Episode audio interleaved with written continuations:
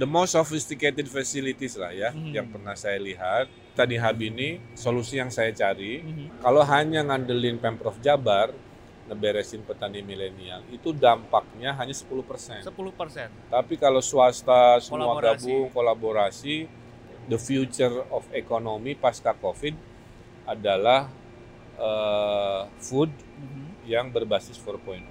Jadi nanti Tani Hub berteman dengan Agro Jabar BUMD saya untuk menjadi orang-orang yang membeli sehingga selesai Kang.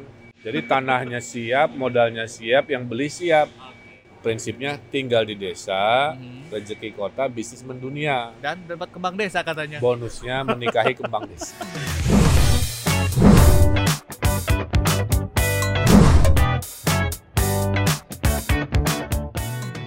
kabar semua, selamat datang dan selamat bergabung bersama kami di podcast Tani Talks by Tani Hub Group. Ini adalah episode perdana dan sangat spesial. Oh, Dan ini tamu yang saya undang udah mulai komentar aja nih.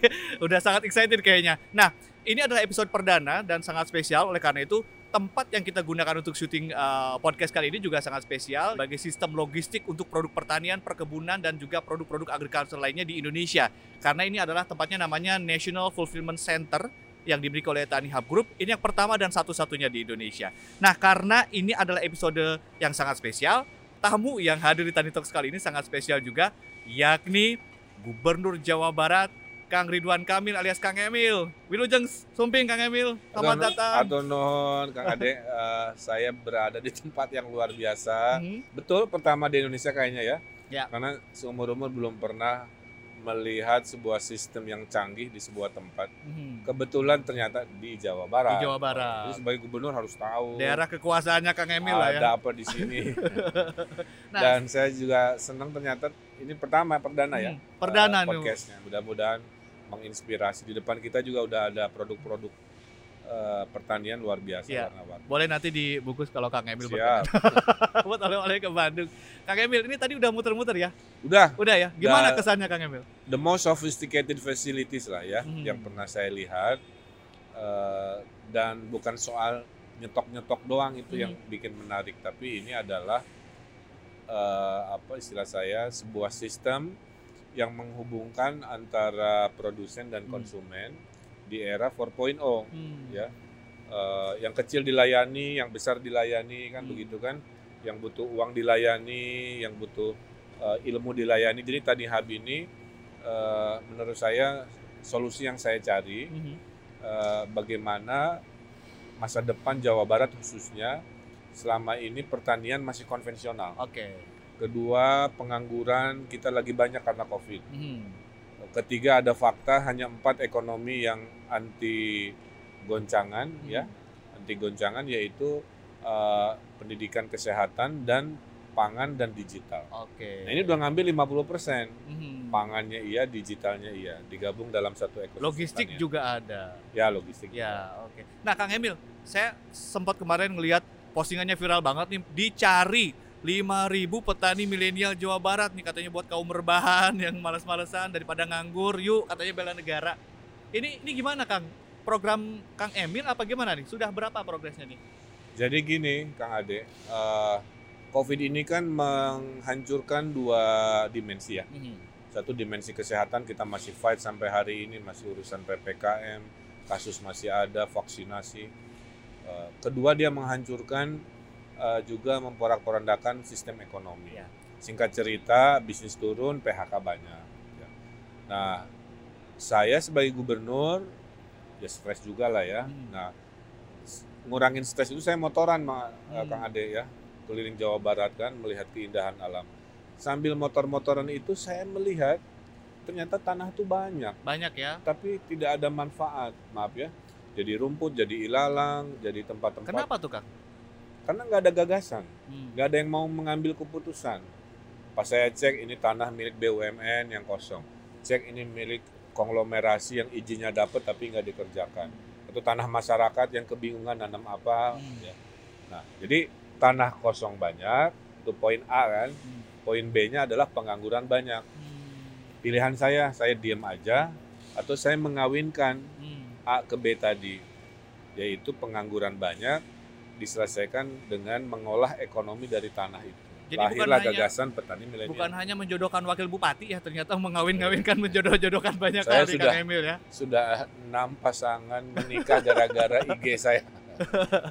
Oke. Nah, Kang Emil, ini kan ada 5.000 petani katanya petani milenial nih yang yang yang akan diundang. Sudah sejauh apa nih? Sebenarnya nggak lima ribu bisa juta-juta. Bisa juta-juta. Teorinya begini, tanah itu kan ada yang milik pemerintah pusat, ada Hmm. milik pemerintah provinsi saya kan, Hmm. ada milik pemerintah kabupaten kota, ada swasta. Nah saya kan nggak bisa mengintervensi tanah di luar provinsi kan. Hmm. Nah tanah provinsi yang tersedia hanya 1000 Oke. hektar. Jadi menurut teorinya cukuplah 2000 meter ya. Eh, maka kan kalau eh, 1000 hektar dibagi 2000 meter ketemu 5000 orang gitu. Hmm. Tapi kalau nanti semua tanah pusat, tanah daerah, swasta gabung itu bisa juta-juta lapangan pekerjaan. Oke. Jadi 5000 itu bukan angka Pastilah. angka final, Angka mati gitu ya kan ya. angka yang saya mau realistis. Hmm. Di awal 2021 saya mau beresin segitu dulu juga udah luar biasa kan. Oke.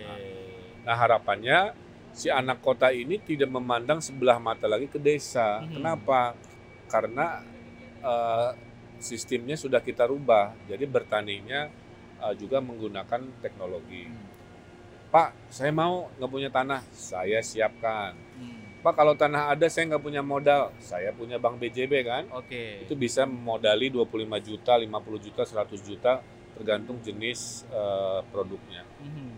Oke Pak, kalau tanah dari Bapak, saya jualnya ke mana? Nah, Ya. Saya punya BUMD juga yang menjadi pemimpin para pembeli. Jadi nanti Taniha berteman dengan Agro Jabar, Mhm. BUMD saya, untuk menjadi orang-orang yang membeli Hmm.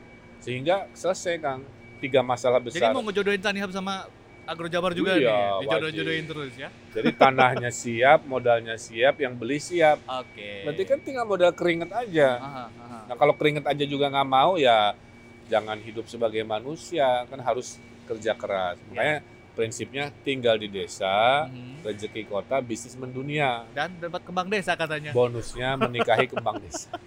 Itu anggarannya berapa sih Kang yang disi- yang, dised- yang disediakan kan? Ini pasti ada modal yang dibagikan. Tadi katanya ada 25 juta, ada Iya, sementara 150 miliar dari BJB sedang kita atur.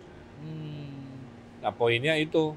Nah itu baru 1000 hektar baru kan? 1000 hektar. Kalikan 100 kalinya kan? Mhm. Berarti kan ada ada berapa 500 ribu eh, lowongan pekerjaan. Daerahnya di mana sih Kang itu? Semua Jawa Barat, semua Jawa Barat. Jadi dari Kuningan, Cirebon, Cianjur, semua. Ya. semuanya ada.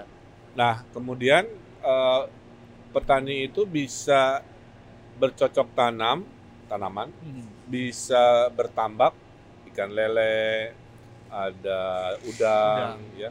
Bisa juga beternak, Hmm, mau unggas, mau sapi, mau. Jadi poinnya adalah pangan. pangan. Ini food security lah. Oke. Jadi ada kabar eh, krisis pangan mengintai pasca pandemi kan. Eh, karena- Termasuk Jawa Barat. termasuk Jawa Barat. Jadi eh, krisis pangan mengintai, pengangguran berlimpah banyak, tanah kosong nganggur coba. Hmm. Kan tinggal oleh sebuah power gitu ya, Dijodohkan aja dijodohkan, lagi, lagi-lagi ya. dimudahkan kan tugas pemimpin dua, Ya. membawa kemudahan dan membawa perubahan. Nah, itu yang mau saya kawin. Nah, targetnya nih Kang, berapa? Targetnya tuh berapa ton dan komoditas apa saja yang diprioritaskan? Beras pasti ya. Saya salah ya. sementara belum bicara eh, target produknya. Mhm. Saya lebih bicara berapa banyak pengangguran bisa saya selesaikan melalui petani milenial. Mhm. Itu dulu. Iya. Eh, yang penting saya bilang ke tim, tolong diatur satu orang itu nanti pendapatannya harus melebihi UMR kan. Mhm. Karena kalau dia pendapatannya di bawah UMR, nanti dia akan bilang, ah ngapain saya ke desa kan? Iya. Eh, panas-panasan skincare mahal. gitu. Skincare. kalau pendapatannya Ya. eh, nggak terlalu jauh dari kota kan Hmm. itu poin saya saya ingin menunjukkan tinggal di desa itu keren kenapa karena tinggal di desa itu jauh dari penyakit kan covid penyakit kota Iya, makin coba lihat eh, kasus covid mayoritas adalah perkotaan di perkotaan. karena covid itu datangnya ke kerumunan ya kerumunan kan di Yang perkotaan mobilitasnya tinggi ya. Kang? mobilitas tinggi jaraknya dekat Oke. makin ke daerah non kota makin jauh maka tinggal di desa itu jauh dari penyakit. Dengan 4.0 Anda masih bisa Instagraman, masih bisa nge-medsos, tapi gunakan si 4.0 ini untuk jualan, untuk uh, bercocok tanamnya juga. Contoh di Indramayu ya. Hmm. Nanti peternak lelenya itu ngasih makan ikannya pakai HP. Oke. Okay. Oleh Internet of Things kan. HP dipijit, uh, ada drum di sebelah kolam melontar hmm. makanan karena ada sensor kan. Hmm. Kalikan 100 juga satu HP bisa, ibaratnya begitu. Okay. Nah, itu visinya begitu. Ke depannya inginnya begitu ya. cita-citanya ya Kang ya. Nah, targetnya nih kalau tadi kan pendapatannya UMR gitu ya? Ya minimal. Minim, berapa Kang kira-kira? Ada target nggak? Berapa juta kira-kira? Oh minimal 5 jutaan per bulan harus ada lah hmm. ya. Uh, kalau supaya bisa orang lebih. tertarik ya. Ya kalau kalau dia di bawah UMR nanti dia merasa jauh-jauh ke desa pendapatannya sedikit, hmm. mendingan jadi buruh aja di kota ya. kan gitu. Apakah ini juga akan nanti dibuka kolaborasi dengan pihak swasta? Padahal tadi di, tadi di awal juga sempat disebut-sebut nih. Jadi gini, gagasan ini saya hanya bisa eksekusi terhadap yang saya punya. Hmm. Tanah-tanah saya punya eksekusi. Banknya saya punya dalam artian pemerintah saya eksekusi. Hmm. Pembelinya saya punya. Tapi kan kalau semuanya oleh pemerintah skalanya kecil kan. Ya. Makanya kalau ada swasta datang, contoh gini ya. Si perusahaan pembeli yang milik Pemprov, dia itu sanggupnya hanya jahe merah dan kentang. Hmm. Yang lain-lain, ah, dia nggak biasa. Berarti kan saya butuh swasta-swasta perusahaan yang produknya hmm. bisa dibeli berbeda dengan yang kami punya. Gitu. Hmm. Nah kalau Tanihub masuk kan, berarti dia bisa dijamin dibeli oleh Tanihub misalkan semua yang ada di depan mata ini. Hmm. Ya, itu paprika, ada buah naga, pisang, pisang, melon dan sebagainya kira-kira begitu. Okay. Jadi sangat sangat dibutuhkan. Saya mungkin ya saya sederhanakan lah. Kalau hanya ngandelin Pemprov Jabar ngeberesin petani milenial itu dampaknya hanya 10%. 10%. Tapi kalau swasta semua kolaborasi. gabung kolaborasi wah makanya saya bilang the future of economy pasca Covid adalah uh, food mm -hmm. yang berbasis 4.0 berbasis digital gitu ya, berbasis dari produksinya, ya. dari jualannya, dari cara memprosesnya semua harus basisnya teknologi dan itu yang diminati milenial kan, hmm. uh, bukan kembali ke desa dengan pola lama. Oke, jadi ke depannya luasan lahan uh, suntikan modal akan lebih besar lagi gitu ya, karena ini baru pilot project gitu ya. Ya, minggu ini saya abis ini saya ada jadwal ketemu Menteri Kelautan. Ya. Ternyata Menteri Kelautan punya modal triliun. Hmm namanya Maritime Fund. Oke. Okay. Ya butuh project. Hmm. Oh, cocok. Cocok. Saya tanah ada, pengangguran banyak. Jodohkan lagi pokoknya. Duitnya ada tapi belum triliun. Yeah. Nah ya. ini kalau udah triliun ya saya bisa memasifkan pengangguran lebih cepat. Oke. Okay. Nah kira-kira Kang tantangannya apa nih dalam uh, programnya? Tantangannya itu seperti biasa kalau ada gagasan yang inovatif begini itu satu orang skeptis ya oh, gimmick aja atau apa. Ya nggak ada masalah. Dalam hidup mah kang ade saya udah biasa ya, digituin ya. ya saya jawabnya itu nggak dengan berdebat hmm. dengan prestasi aja. Dengan bukti lah ya dengan kan, bukti berhasil jadi apa. Ini juga sama silahkan orang yang nggak percaya jangan menghalangi minggir aja. Nanti saya ceritakan di podium kalau udah sukses. Mungkin kang kang Emil bisa cerita ini juga hmm. awalnya dari ruangan seperti ruangan kos kosan ya anak-anak tanah sekarang sudah punya yang seperti ini. Dan katanya iya. nih kang ini yang terbesar uh, Tanihub ini agritech terbesar di Asia Tenggara nih kan? Saya meyakini ya karena di Asia Tenggara tanah terbesar ada di Indonesia. Konsumen terbesar kan kita penduduk 270 juta semua butuh makan. Hmm. 270 juta manusia kali tiga kali makan kan? Hmm. Nih sapi misalkan Kang Ade. Kalau di luar negeri itu kan cuma jadi steak sama sosis. Ya. Kalau di kita jadi bakso, jadi sate, jadi sop buntut, sop kaki seurnya kan ya enggak uh, jadi abon jadi abon kerupuk kulit jadi sebelah kan jadi sebelah artinya uh, konsumsinya uh, besar sekali besar makanya sekali. Uh, menurut saya ini terbesar tapi akan jauh lebih besar lagi pada saat kita kolaborasi. Kolaborasi. Sok prungken lah Kang. Kolaborasi. Makanya saya datang ke sini karena okay. saya tidak punya teknologinya, hmm. ya saya punya kekuasaan untuk ngambil keputusan, saya punya tanah-tanah, saya punya orang-orang punya masalah, Hmm. tapi saya tidak punya teknologi. Tapi di situlah ada peluangnya kan. Di situlah Tanihub masuk karena ini orang-orang muda yang satu eh, ngerti bagaimana mendistribusikan supply demand secara digital kan. Hmm. Jadi ibaratnya kalau petani bingung jual ke mana, Tanihub ambil Hmm. karena Tanihub punya data itu, Ya. big data itu. Kedua, kalau ada yang kurang modal, Tanihub ada crowdfunding. Nah itu bedanya ya. Kalau Oke. anak muda pakai crowdfunding, udunan, saya punya bank. Hmm. Dikawinkan kan? Oke. Yang mainstream konvensional perbankan dengan crowdfunding eh, investor kecil-kecil kan. Kemudian jual ke mana kalau sudah ada ke pasar jangan diganggu ya. Jadi biarkan Biar hidup. ya ekosistem itu sudah berjalan. Tanihub ini hanya memasuki daerah-daerah yang masih kosong dan ruang. Oke. Nah, contohnya kayak petani. Petani itu kan nggak pernah bisa kaya, Kang Ade.